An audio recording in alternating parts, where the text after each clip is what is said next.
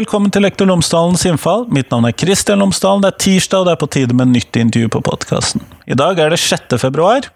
Det er samefolkets dag, eller samenes nasjonaldag, eller eh, Det omtales på flere måter.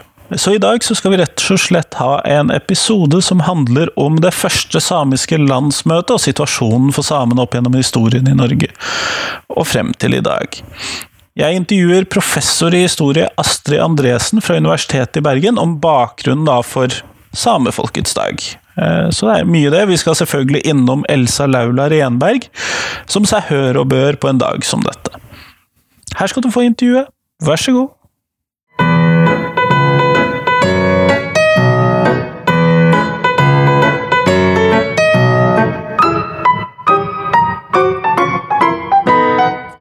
Astrid Andresen, tusen takk for at jeg har fått lov til å komme og besøke deg på kontoret ditt. Ja, Veldig hyggelig at du ville komme hit.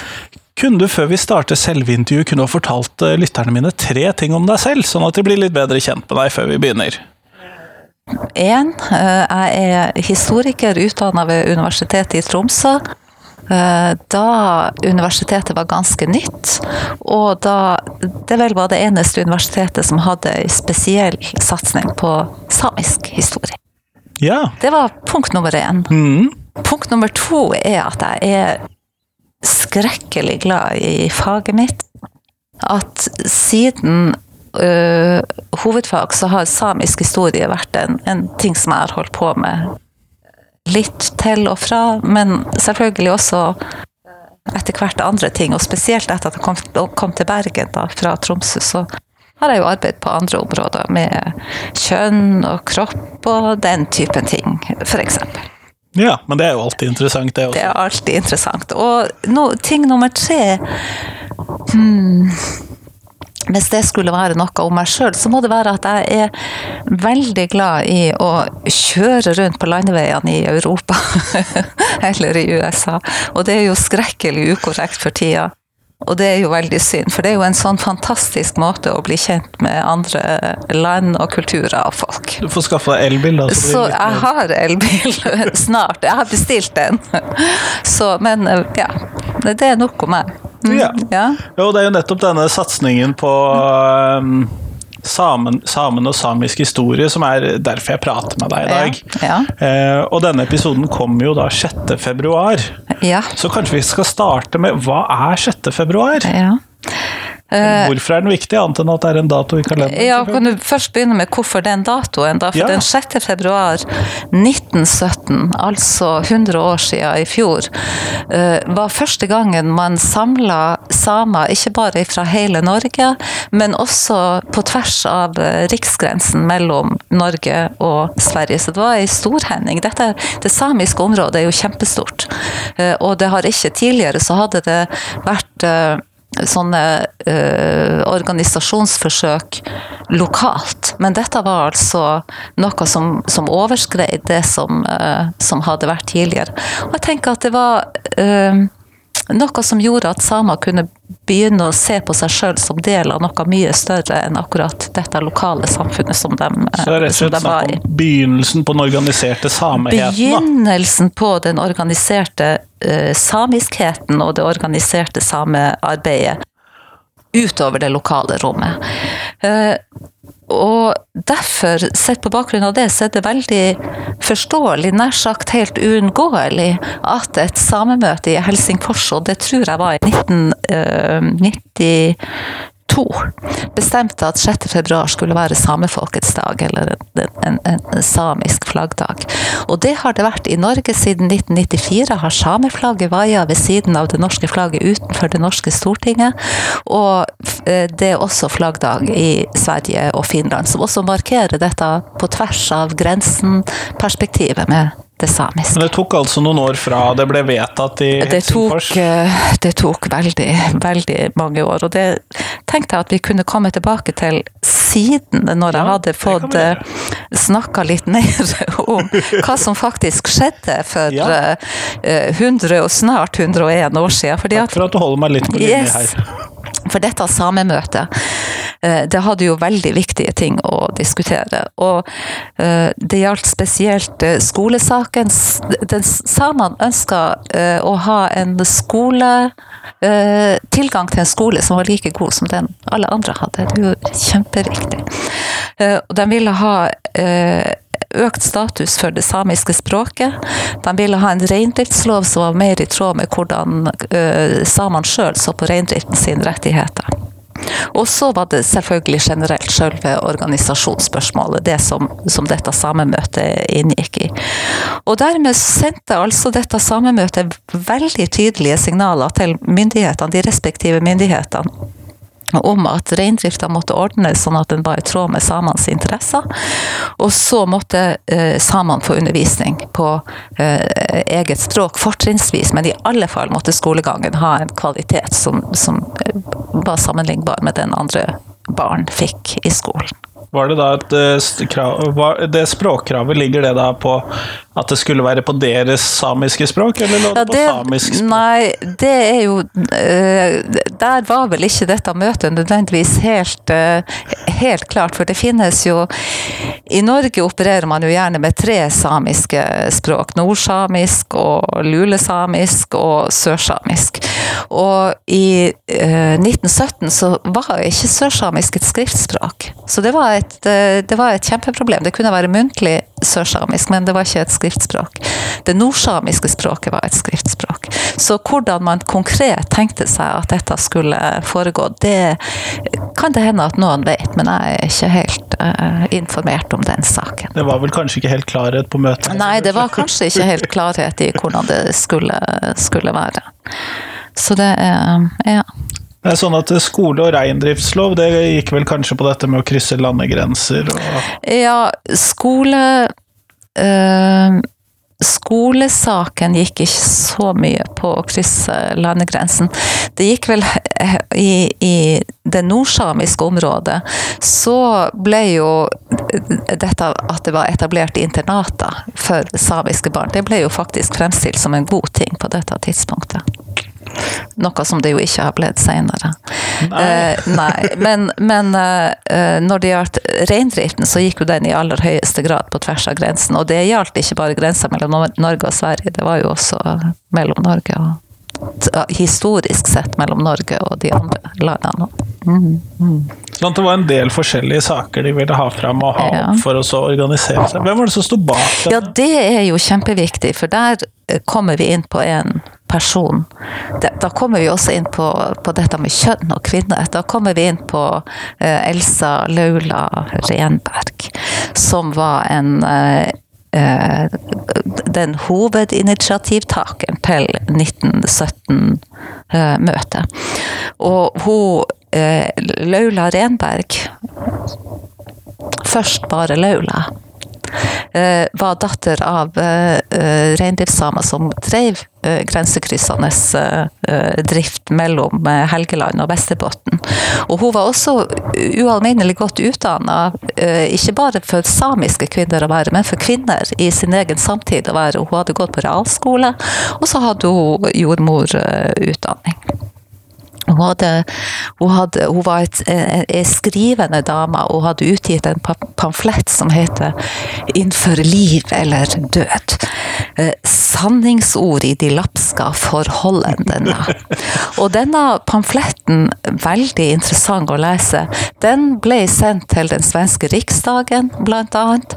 Og Elsa Laula fikk foretrede for kong Oskar 2. for å legge fram eh, samenes sak, så hun var, hun var Så hun var fremme? Hun var kort og godt ei drivende dame som var frempå med, med de samiske sakene. Uh, og, og det, hun, det, hun, la fram i den 'Innenfor liv eller død', det er altså den store betydninga for den samiske befolkninga at de måtte få anerkjent rettighetene til land og vann, sånn at de kunne drive sin næring uh, sånn som de hadde gjort. Og dessuten dette med at samene krevde og trengte uh, skolegang. Hun var altså født på svensk side. Eh, men den grensa var jo nokså åpen da. Ja, det var ikke mye kontroll der. Det var ikke mye kontroll. Og hun fikk jo, bortsett fra når reinflokkene kom flyttende, men det er en annen historie som vi ikke kan snakke om. Da talte man rein. Eh, men hun fant altså en norsk mann, og han heter Thomas Pedersen eh, Toven. Og sammen tok de da dette navnet Renberg, som er blitt til det vi kjenner Elsa Laula Renberg. Ja, for han var ikke samisk? Han var samisk. Ja, nettopp. Ja, han var samisk, og, og uh, disse toene de drev da reindrift. De fikk uh, seks unger. Uh, og de flytta til Brurskanken. Det blir jo veldig lokalt, dette her, da, men det er et reinbeitedistrikt litt sør for Mosjøen. Og der var Elsa altså Mens hun var i Sverige, så hadde jo Elsa ikke bare skrevet og utgitt 'Innenfor liv eller død', men hun hadde også bidratt og deltatt og vært foregangskvinne når det gjaldt samisk organisasjon. Samisk sentralforbund, tror jeg en, en, organisasjon heter. Men det er organisering på svensk side? Men det var organisering på svensk side. Når hun kom til, til Norge, så uh, eh, stifta hun ei sameforening på Helgeland. Og så stifta hun Brurskanken kvinne, samiske kvinneforening, så hun er jo veldig, veldig frampå. 1910. Uh, og, og det var gjennom Brurskanken samiske kvinneforening at uh, initiativet til dette 1917-møtet ble tatt. Og det var Elsa Laula som uh, gjorde det sånn at staten til og med gikk inn med støtte til dette samemøtet midt i fornorsknings... tida. Ja, det, det, det, det, visste jeg ikke, og det overrasker meg egentlig ganske ja, mye. Yes, og gjorde, hun gjorde det jo gjennom reindriftsinspektør Nissen, så han må jo ha syntes at det var et poeng i å samle sammen. Men altså, Elsa Laura, Laula hun er en foregangskvinne på linje med de norske foregangskvinnene for kvinnestemmeretten, eller de ø, samiske mannlige politikerne som jo ofte blir, blir trukket fram. Veldig viktig å huske Elsa Laula. ja, og det, ja. jeg må jo innrømme at jeg hadde ikke hørt om henne før hun havnet i den boken uh, 60 kvinner du skulle ha med. Ja, ja, ja, ja. Nei, veldig viktig, viktig dame. Mm. Og hun var viktig også, hun, hun var, vel, hun var tradisjonsbundet. Nå snakker jeg litt om reindrift. for i denne perioden så er det jo sånn at reindrifta, reinflokkene blir større og større og større. Og større, ikke sant? Og det å være stor reineier blir, blir, viktig. Og dermed så slutter man å melke rein og drive tradisjonell, tradisjonell reindrift. Ja, sånn som man har gjort. At det, det, blir kjøtt, øh, og ikke alt det andre som liksom har vært den, den tradisjonelle måten. Elsa Laula Renberg gikk inn for den tradisjonelle måten. La dem drive på med kjøttproduksjon, de som vil, men det må også være mulig å drive tradisjonell reindrift. Ja, nettopp. Yes. Det er jo litt interessant. Som en sånn litt konserverende faktor. Ja, litt konserverende. Foregangskvinne, pioner, men også med veldig uh, tro på samiske tradisjoner.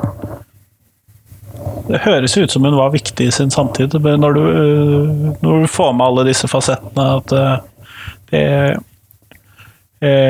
det blir så tydelig at hun da har en posisjon da, i det samfunnet. Absolutt. Men eh, hva oppnår man egentlig med dette møtet 6.2.1917? Jeg tror kanskje at dette møtet sin betydning er like mye symbolsk som det var praktisk i sin samtid. Det er jo også viktig å si. Man øh, vi, må, vi må tenke litt på 1917. Ja.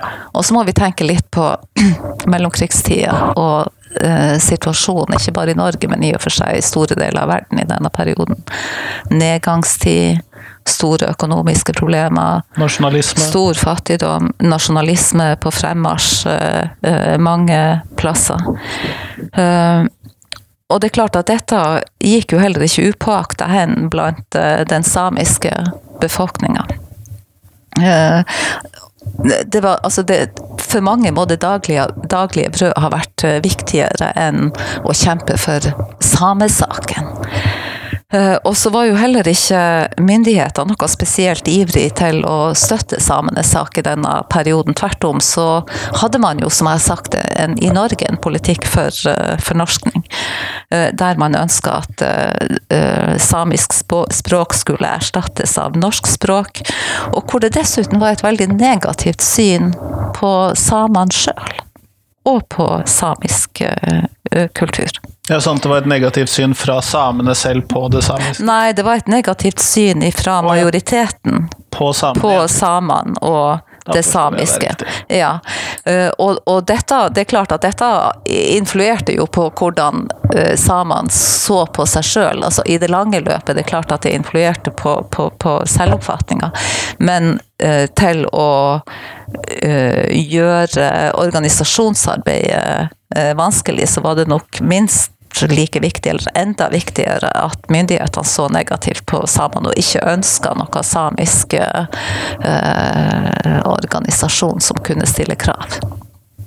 Nei, og det kan jeg jo tenke meg, når man ser jo at fornorskningsprosessen varer jo ganske lenge mm, etter dette ja, altså. Ja. Uh, og, og, så er det jo det uh, Det som jeg tenker er litt viktig for å forstå hvordan myndighetene tenkte og agerte i denne perioden, og hvordan, hvis vi skal bruke begrepet folk flest, uh, tenkte og agerte, så er det jo dette med at dette er jo i en periode hvor uh, kort og godt rasisme er ganske uh, framtredende, og hvor vi kan si at vi faktisk har en rasevitenskap som ikke bare deler inn verdens befolkning i ulike raser, men som også insisterer på at noen raser er bedre enn andre. Og samene havnet vel kanskje ikke på toppen? Og da er det nok et faktum at uh, i den norske forståelsen av hvordan ting var, og også i den svenske, så havna ikke samene på topp. Tvert om. Altså, de havna eh, ned, langt nede i eh, hierarkiet. Og det gjorde jo heller ikke at man liksom ville legge til rette for utvikling og for mangfold og kulturell oppblomstring og disse tingene. Nei, det ville vel strengt tatt egentlig kanskje føre til det stikk motsatt? Stikk motsatt, ja.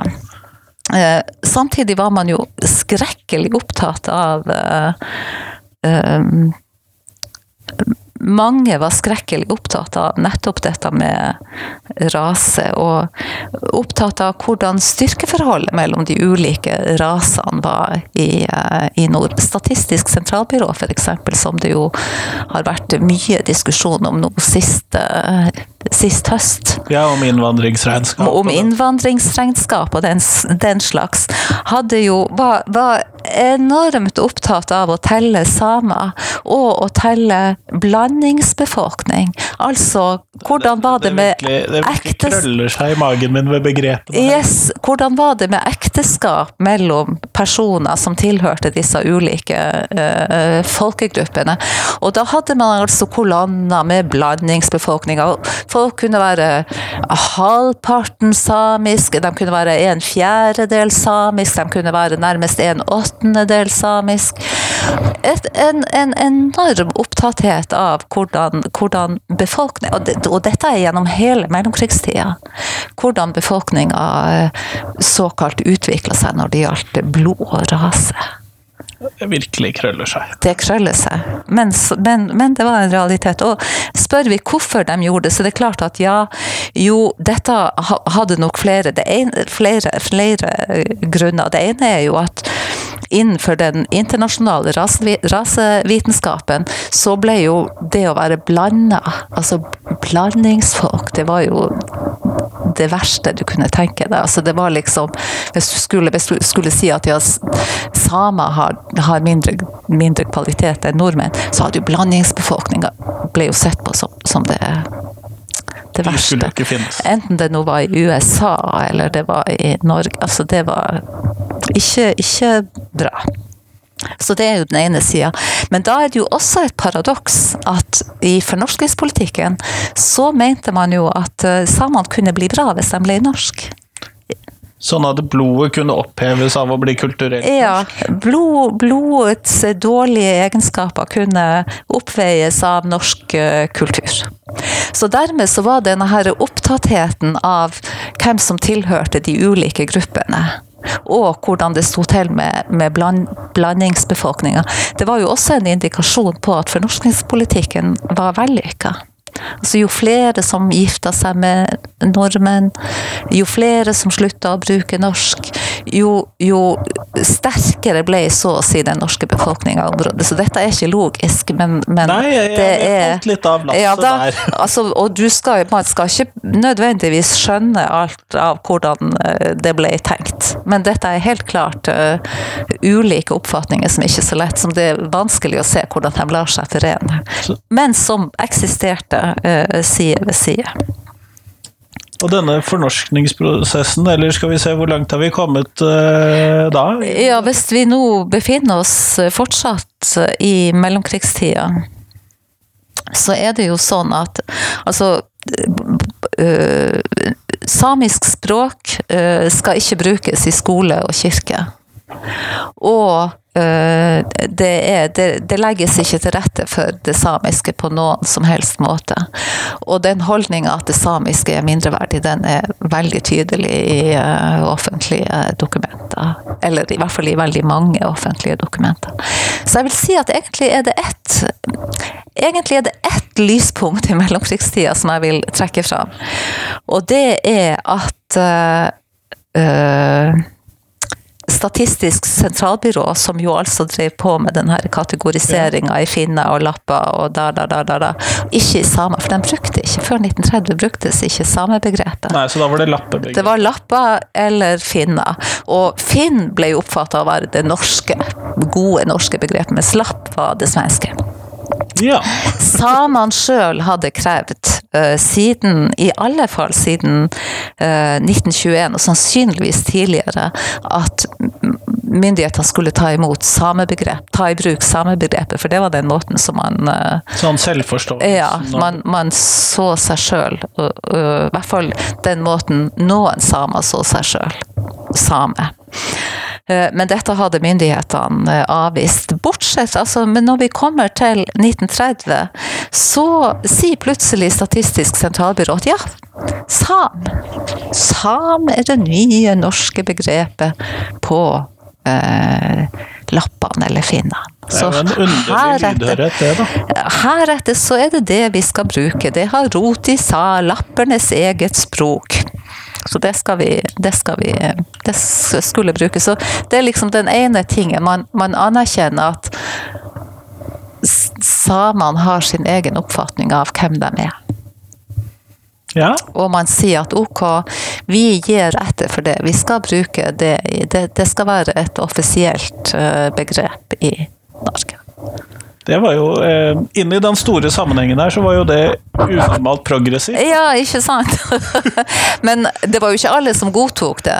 I reinbeiteforhandlingen med, Finland, nei, med Sverige f.eks., så sa man jo at nei, det kan man ikke begynne å bruke samebegrepet, for der er jo lapp et innarbeida begrep. Så der kommer plutselig lapp og same, det kommer ved siden av hverandre. Så Ja. man holder Ja. Så det Ja. Mm. Det, jeg hører noen sånne minner til sånn den negerdiskusjonen. Mm, Ja, det kan du si. Men det er klart at lapp og finn Finn var jo et begrep som ble brukt uh, gjennom hele me- mellomkrigstida, under krigen. Det var i bruk etter krigen også.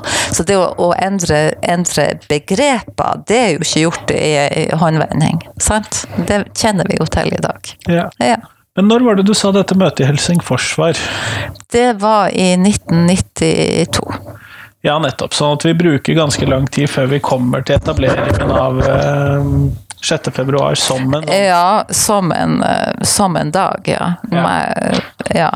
Det, det bruker man lang tid på. Det er ikke gjort i en håndvending.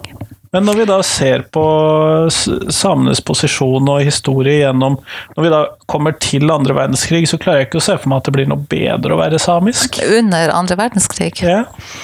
Eller kanskje etter, er det vel vi begynner å nærme oss noen lyspunkter her, men Ja, nei, det blir ikke noe bedre. Det blir ikke noe bedre i mellomkrigstida. Um, det, ny forskning viser faktisk at uh, det, tyske myndigheter hadde en viss respekt for det samiske. Fordi at de var så kunnskapsrike om fjellet, ikke sant? ja, nettopp. Ja, fordi at de, altså Tyskland, ty, ty, ty, eh, Nazi-Tyskland drømte jo om å ekspandere mot øst. Ja. Eh, cola og videre. Og det er klart at kunnskap om landskap og fjell, hvordan man overlever i, Det var noe de trengte? Det var noe de trengte, og noe som de, de så på som Altså, det var, det var, det var god kunnskap. Så selv om de på den ene sida kunne si at uh, altså sånn genetisk sett er ikke dette uh, topp, topp, så er det noe med det her som krever beundring. Og, og, og, og, ja. Det er et, et, et, urfolk som krever beundring. Så, men dette er liksom ikke helt ferdig utforska ennå, men, men, det finnes noen kilder som sier Interessant. dette. Ja. Det er jo også interessant at man stadig nå kan se tilbake på andre verdenskrig og fortsatt finne gode kilder om et såpass ja, vi kaller det smalt tema. Ja, ja, ja. Smalt og smalt. Det er jo et hovedtema. Sett i forhold til den totale andre ja. verdenskrigsforskningen. Ja. Men når det gjelder, når, ellers når det gjelder altså Det er jo etter andre verdenskrig at det begynner å skje ting. Uh, positive ting med, med samene sin stilling i det norske folket. Og eh, det blir jo I 1959 f.eks. blir samisk igjen undervisningsspråk. Tillatt som undervisningsspråk i skolen. Det, det, tar jo veldig lang tid, for der er jo selvfølgelig veldig få lærere som kan eh, beherske dette språket, og der er lite læremidler. Men allikevel, som en prinsipp prinsippavgjørelse. Det er tillatt, og det, og, og det avføder jo også ikke sant, både språkutdanning og læreboksproduksjon osv. Så, videre. så det og gir en, en ny status og en ny, en ny status til språket og en ny verdighet til folket. Så det er jo, det er jo eh, kjempeviktig. Og trekker vi den, den lange linja, så hvis vi ser på tida fra 1945 til i dag, så er det jo enormt mye som har skjedd, ikke sant. Eh, vi har fått en, en sameparagraf i Grunnloven. Vi har, den samiske befolkninga er anerkjent som uh, urfolk med de uh, rettighetene til land og vann som det innebærer. Vi har fått en tingrett i det samiske eh, området. Altså enormt mye som har skjedd. Og det er samiske høyere utdanningsinstitusjoner, forskningsinstitusjoner. Kjempeviktig for eh, hele statusen til eh, det samiske folket og sam, det, det, samiske språket. Jeg husker jo det når jeg gikk på Universitetet i Tromsø selv. Det var eh, flere studier med eget samisk fokus der mm. enn hva jeg har opplevd her i sør, i hvert fall. Ja, nei, her er det jo, er det jo sånne enkeltfugler som driver på med, med uh, samiske spørsmål. Og det er jo viktig at det skjer også utenfor ja, Tromsø. Ja, ja, det er klart det er viktig. Ja. Eh, men eh, så får vi jo da Hva, hva skjer at vi, får, at vi faktisk får da 6. februar som eh, samisk nasjonaldag? Hvorfor det? Ja, det er jo nettopp for å markere at dette, altså markere betydninga av historie. Dette er jo å markere betydninga av egne initiativ. Ikke sant? For når man snakker samisk historie, så blir det jo veldig ofte at man snakker om undertrykkinga av det samiske. Ja, majoritetens og, syn på det Majoritetens syn på og behandling av. Men det er jo utrolig viktig, og det er jo ikke bare innenfor den samiske historien, det er jo i hele urfolkshistorie, enten du nå ser til Canada eller Australia. Altså dette er jo også aktører. ikke sant? Dette er jo folk som har handla, og som har eh, fortsatt å være eh, samisk, som har prøvd å fremme sin sak. Og dette eh, første samiske fellesmøtet er jo en sånn viktig stein på veien mot i dag. Vise at det ikke bare er objekter som blir Ikke bare objekter som blir uh, eh, handla med, men som også har uh, uh, noe de vil ha frem. Kjempesentralt. Det kan jeg se. Ja.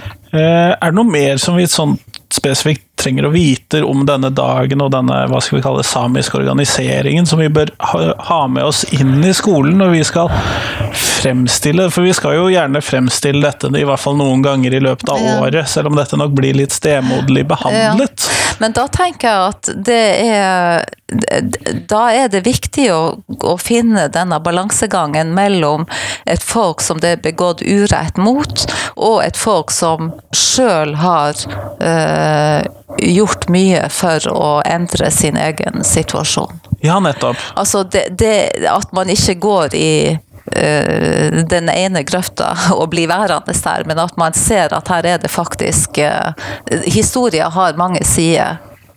Uh, og ikke bare en side som blir skaltet og valtet med, nei, men også den siden som selv som gjør Som selv tar grep, og som selv uh, gjør viktige ting. Sånn som Elsa Laula, for eksempel. Fantastisk. Uh, ja, Hun burde jo være person. et utgangspunkt for en del læreplanmål og en del undervisning. Ja, og det er jo flere som har skrevet om henne. Ja så er jo godt uh, kjent. Hmm.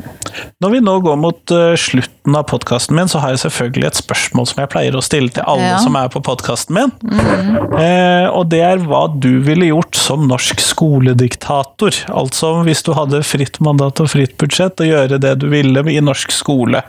Så hvordan ville Astrid Andresen vært som norsk skolediktator? Hva er det første du ville sett på?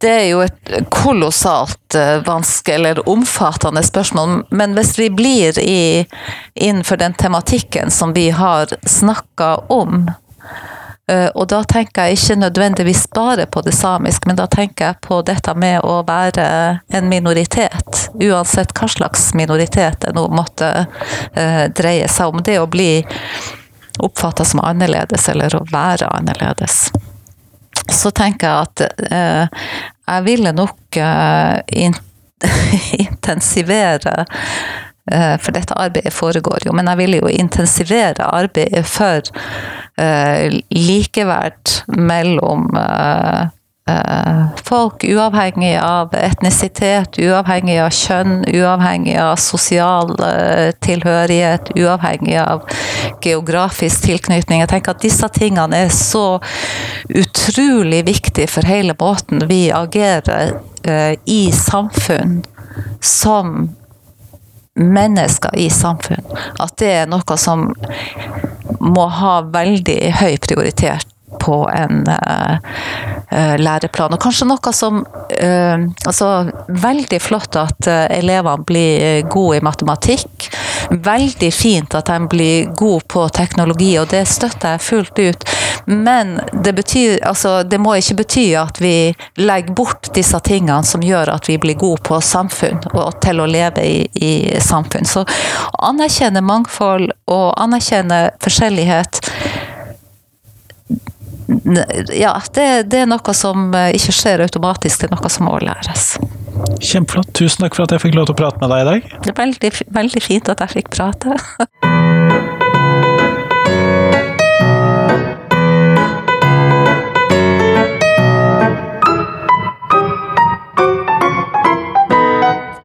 Tusen takk til Astrid Andresen, og tusen takk til deg som hørte på. Nå håper jeg du har eh, satt pris på denne episoden om samefolkets dag. Og så tenker jeg at jeg skal prøve å få til dette som en litt årlig tradisjon, og at, at eh, podkasten har med noe samisk å gjøre rundt 6. Eh. Men i år så passer det jo perfekt, ettersom podkasten slippes 6. februar. Men fram til neste gang så håper jeg at du kan hjelpe meg å spre podkasten. Du kan gjøre det på mange måter, og jeg har fortalt om det før hvordan det kan gjøres, så jeg gjentar det ikke i dag. Kanskje neste gang. Ha en god dag videre. Hei, hei.